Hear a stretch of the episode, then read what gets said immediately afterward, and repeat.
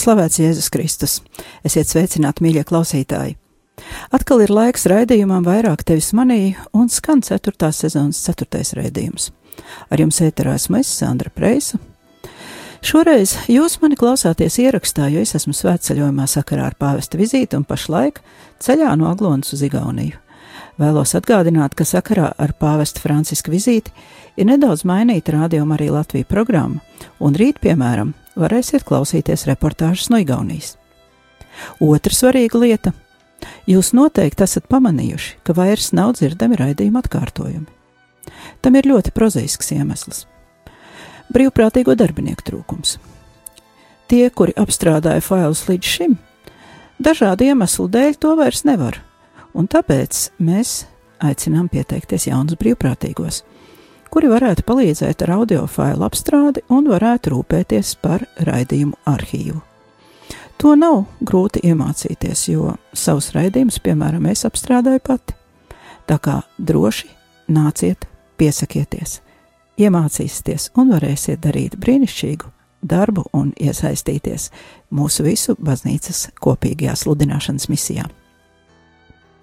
Iepriekšējos raidījumos mēs lasījām pāvesta Franciska vēstuli ticīgajai tautai, kā arī pētījām, ko nozīmē daži termini, kurus lieto pāvests un ko mēs kā lai varētu darīt situācijas uzlabošanai baznīcā.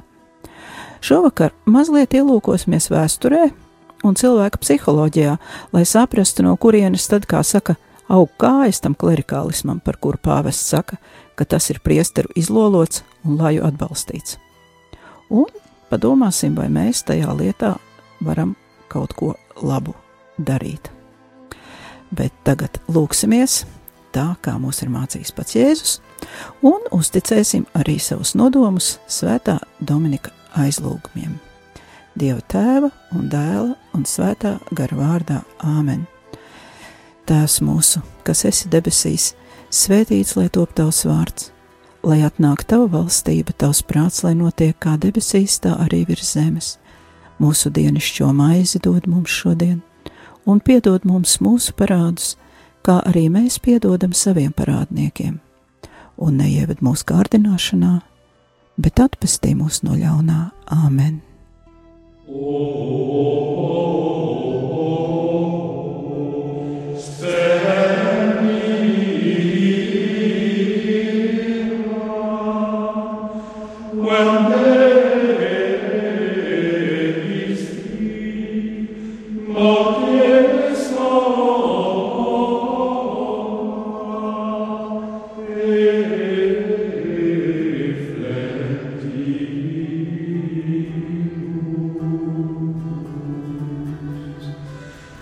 Domos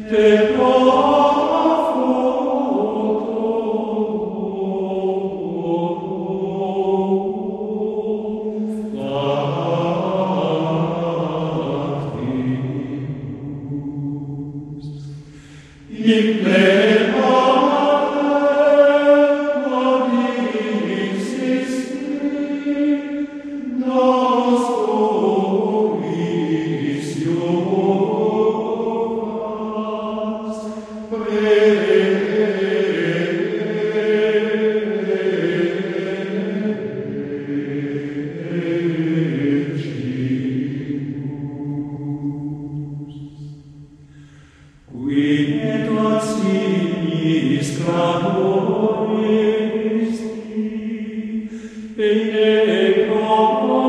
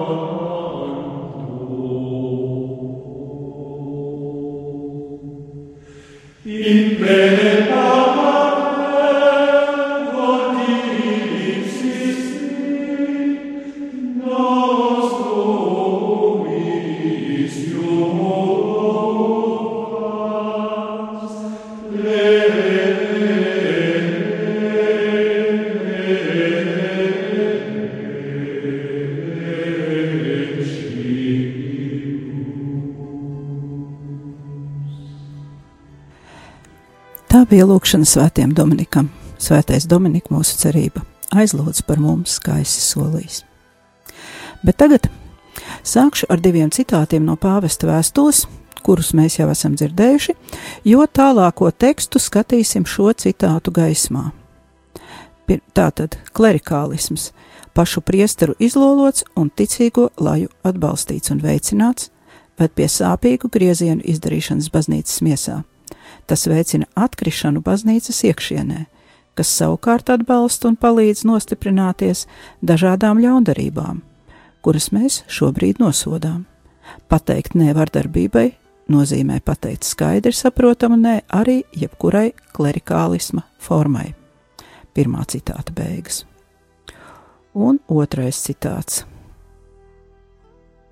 Klerikālisma gars ir ļaunums, kas pastāv baznīcā arī mūsdienās, un cietēji ir ticīgie, kuri jūtas atraidīti un izmantoti.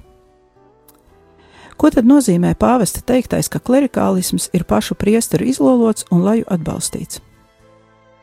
Es neiedziļināšos gari baznīcas vēsturē, bet dažus faktus paskatīsimies no psiholoģiskās un emocionālās puses. Vēsturiski mēs zinām, ka sākotnēji kristīgā ticība tika vajāta kā sekta, un būt par kristieti nozīmēja reāli visu laiku būt pakļautam nāves briesmām ticības dēļ. Šī situācija zināmā mērā palīdzēja kristiešiem, palīdzēja būt viņiem vienotiem un arī savstarpēji vienlīdzīgiem, jo nāves priekšā bija vienādi kā priesteri tā laji. Tomēr jau apustulis Pāvils runā par pirmo kristiešu vēlmi paaugstināties pār citiem. Citējuši pirmā vēstule korintiešiem 11. nodaļa 17 līdz 26. Brāļi, es jūs neslavēju par to, ka jūs sanākat kopā nevis uz labu, bet uz sliktu. Vispirms es dzirdu, ka jums sanākot kopā baznīcā, starp jums ir strīdi, un padaļai es tam ticu, jo vajag, lai starp jums būtu arī šķelšanās, tā, lai tie, kas ir pārbaudīti, kļūtu zināmi jūsu vidū.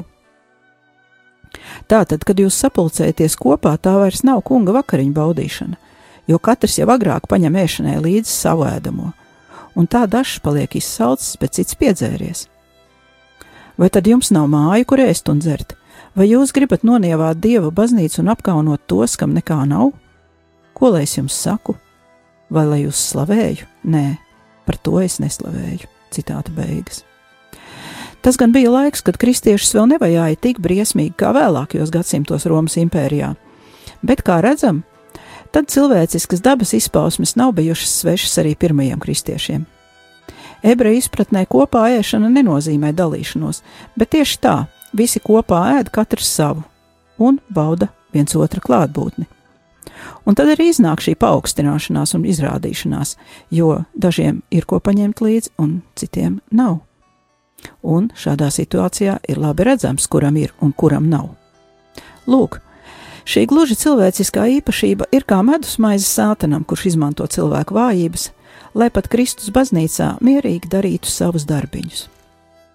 Tāpēc mums, kristiešiem, ir jābūt ļoti uzmanīgiem, lai ar savām it kā pavisam nevainīgajām darbībām neradītu vietu, kurā var netraucēti darboties ļaunums.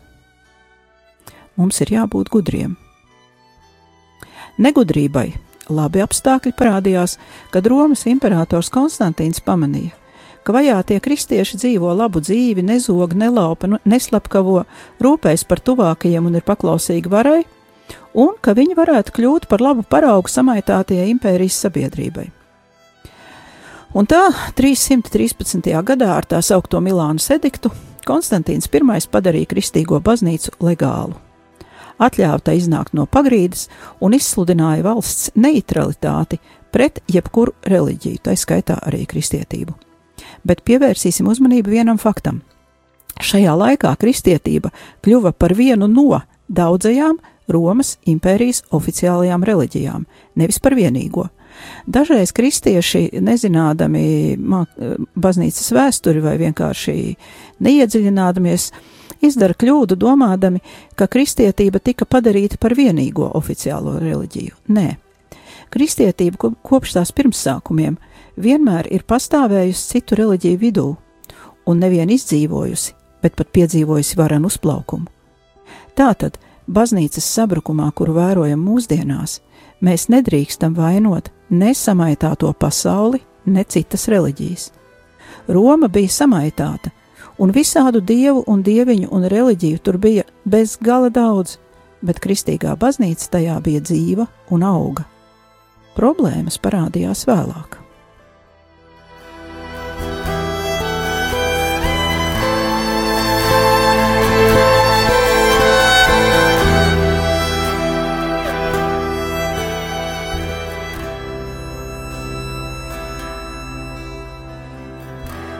Jā, baznīcas legalizēšana nesa gan labumu, gan ļaunumu. Labums ir skaidrs. Kristiešus vairs nedrīkstēja vajāt, un viņi beidzot varēja brīvi sludināt evaņģēlīju visām tautām. Ļaunums labāk ir saskatāms ilgtermiņā. Pēc kristīgās ticības legalizācijas būt kristietim vairs nebija bīstami, un baznīcā ieplūda cilvēki, kuri vairs nebija gatavi atdot dzīvību par Kristu. Imperatora labvēlības dēļ baznīca kļuva interesanta augstmaņiem un imperatoru pakalpiņiem. Baznīca kļuva bagāta. Augstmaņu bērni kļuva par mūkiem, priesteriem un savu dzīves stilu, kādu bija pieraduši savās bagātajās pilīs un muižās, turpināja arī baznīcā. Cilvēki tika sadalīti augstākajos un zemākajos, tāpat kā viņi bija pieraduši dalīt cilvēkus savos īpašumos un savā sabiedrībā. Pieauga prasības, lai kļūtu par priesteriem, nepietika tikai ar aicinājumu, bija jāiegūst ļoti laba izglītība, bet tā bija dārga, un tāpēc pieejama tikai bagātajiem. Ir jāsaprot, ka bagātība pati par sevi nav ļaunums, jo bez tās mums nebūtu daudz svēto, arī Akvīnas Toma un Svētā Dominika un pat ne Svētā Franciska, Viņi visi nāca no bagātām ģimenēm, bija saņēmuši labu audzināšanu un labu izglītību, pateicoties tieši tam, ka viņiem nauda bija, jeb, nu, precīzāk, viņu vecākiem. Bet bagātība tomēr ir laba augsne kārdinājumiem. Un vēl viena lieta, kas baznīcā izveidojās, nostiprinājās tāds mīts par to, ka konsekrētajiem cilvēkiem arī debesīs būs privilēģijas, ka šis stāvoklis Dievu priekšā ir augstāks nekā parasto cilvēku jeb laju stāvoklis. Un tas ir viss, par ko runā pāvests. Un par to, kā viņš raksturo klerikālismu šodien. Tika panicināta kristības sakramentā iegūtā žēlastība, kuru saņem katrs ticīgais tika panicināta patiesība, ka kristība un attiecīgs dzīvesveids ir svarīgs pestīšanai, un nevis konsekrācija vai solījumi. Šeit arī mēs varam redzēt saknes klerikālismam, šajā nepamatotajā konsekrēto personu paaugstināšanā pār citiem kristītajiem. Kā mēs visi zinām, savu dzīvi veltīt Kristum ir iespējams arī dzīvojot pasaulē bez solījumiem un bez konsekrācijas. Tie vienkārši ir dažādi ceļi, dažādi aicinājumi, un nevis augstāki vai zemāki.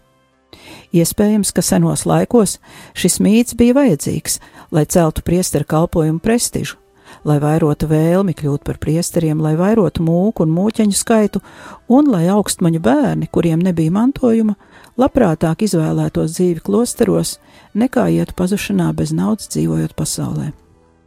Varbūt, ka mērķis pat bija labs, šodien ir grūti pateikt, un šodien grūti pateikt pat, cik tas vispār bija apzināts. Acīm redzami, šis mīts labi darbojās, jo klosteru bija daudz, un tie bija pilni, tajos stājās bagātnieki un ziedoja savus īpašumus. Daudzi no šiem cilvēkiem ar visu sirdi patiešām gribēja piederēt dievam visaugstākajā pakāpē, un tāpēc izvēlējās konsekrētu dzīvi, jo ticēja, ka tas ir kaut kas augstāks par dzīvi pasaulē. Garīgums patiešām uzplauka, un pateicoties tam, ka arī līdzekļu bija pietiekami, tieši klosteros uzplauka arī zinātne un māksla.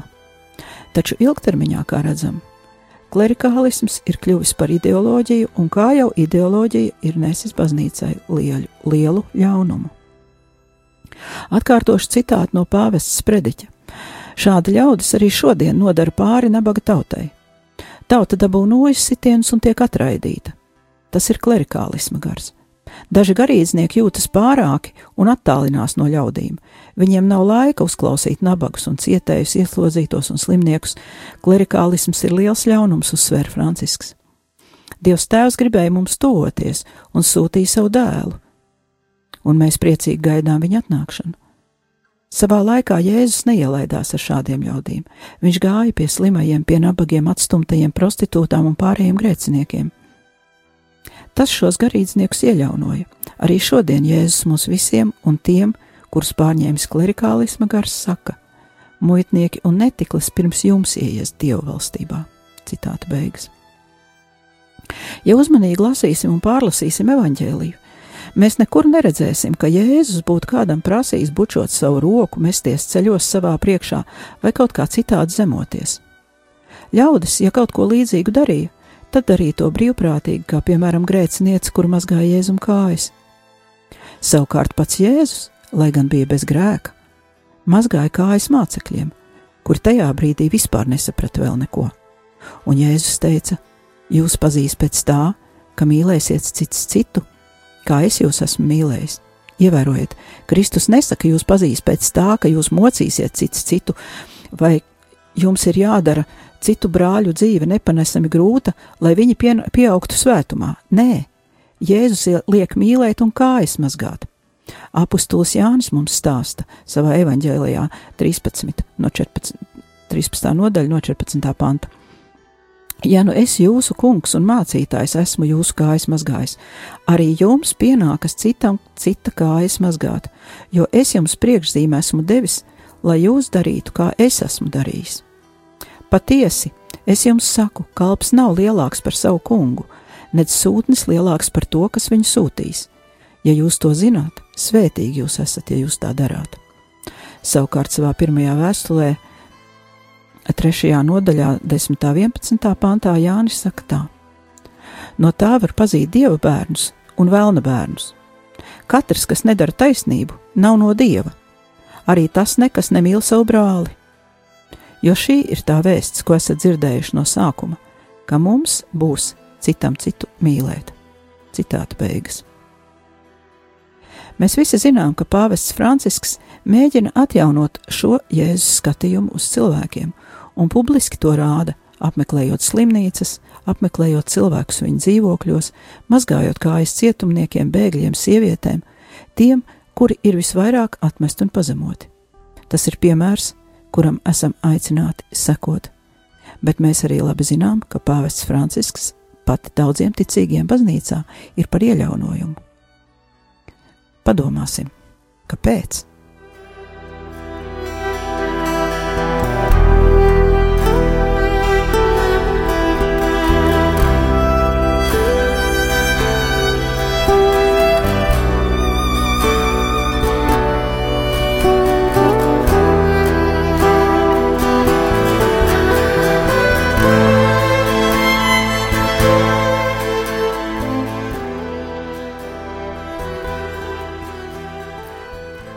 Tagad atļaušos vēlreiz citēt Akvīnu Stomu. Tas ir citāts, kuru bija domājis izmantot vienam raidījumam pagājušajā gadā, bet tas ir kļuvis par visu manu raidījumu galveno moto un tēmu. Tātad citēju: Stulbums un nezināšana ir tiešā pretstatā gudrībai un saprašanai kā tādai, bet netiešā veidā arī visi citi grēki ir tām pretstatā, cik tā gudrības un saprašanas likums, kuram jābūt jebkuras darbības pamatā, ir izkropļots caur grēku tāpēc katru ļaunu cilvēku var uzskatīt par tādu, kurš nezina. Svētais Akvīns Toms, Questiones disputāte de veritāte, 15. 15. jautājums. Tātad, ja mūsu rīcību vada kaut kas cits un nevis dievišķā gudrība, tad šīs rīcības sekas būs atbilstošas tai stulbuma pakāpei, kāds, kāda būs mūsu rīcības pamatā. Un jo stulbāka rīcība, jo briesmīgākas sekas, bet viss sākas galvā. Un te nepavisam nav runa par formālo izglītību, bet gan par dievišķo gudrību, kur ir tikai viena. Tā ir gudrība, kura domā par kopīgo labumu, kura spēj redzēt tālāk par šo mirkli un tālāk par to labumu, kurš ir iegūstams tūlīt pat, jo ilgtermiņā šķietami labais darbs var izrādīties ļoti postošs. Tā ir gudrība, kura ļauj saprast tuvāko un pasniegt viņam roku pirms lūgums ir izskanējis no viņa mutes. Kā apustulis Pāvils saka, raudāt ar raudošajiem un priecāties ar priecīgajiem. Tā ir gudrība neradīt sev elkus un arī sevi pašu neuzskatīt par pielūgsmes objektu.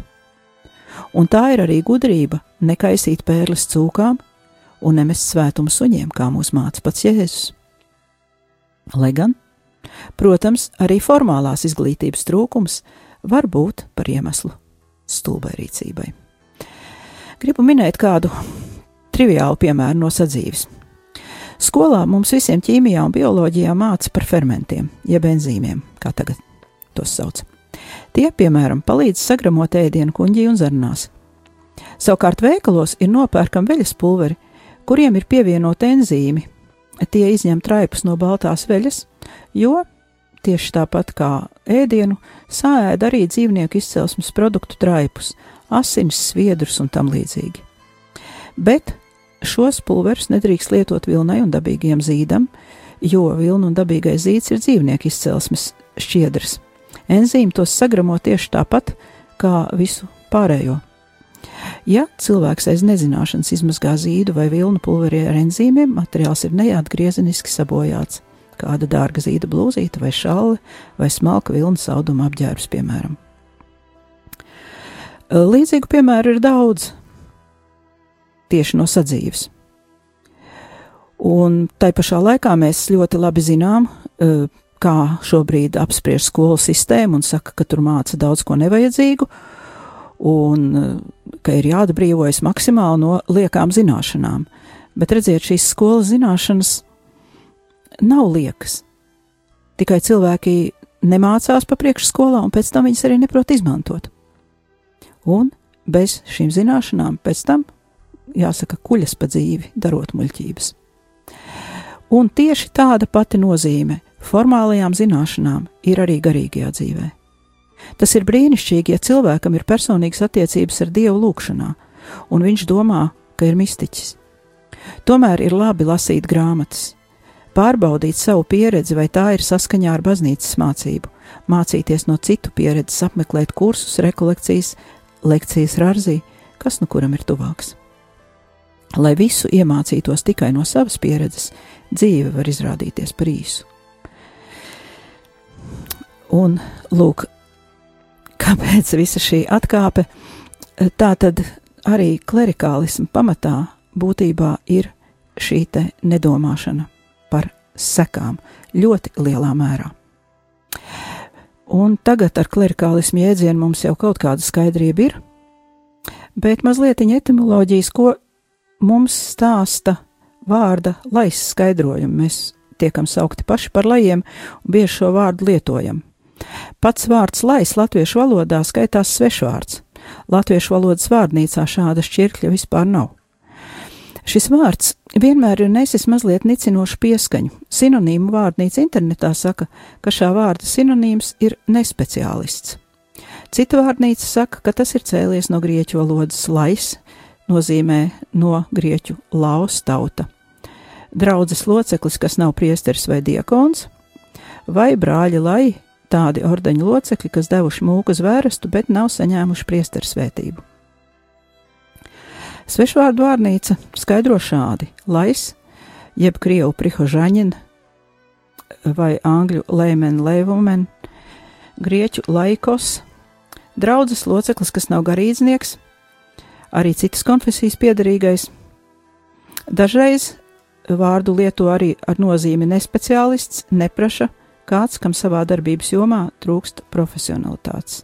No šā vārda ir atvasināta arī jēdziena laicīgā māksla, laicīgā literatūra, laicīgi pasaules uzskati, kur ir ticības elements varbūt klātesošs, bet nav piedarības konkrētam garīgumam. Savukārt Vatikāna otrais koncils var teikt, ir pilnībā rehabilitējis, jeb pārdefinējis jēdzienu lai. Lai ir visi kristieši, kas kristībā uzņemti Kristū un caur to iekļauti Dieva tautā, kas baznīcā un pasaulē pilda Dieva tautai uzticēto sūtību. Lajus raksturo tas, ka viņi dzīvo pasaulē, laicīgās realitātes vidū.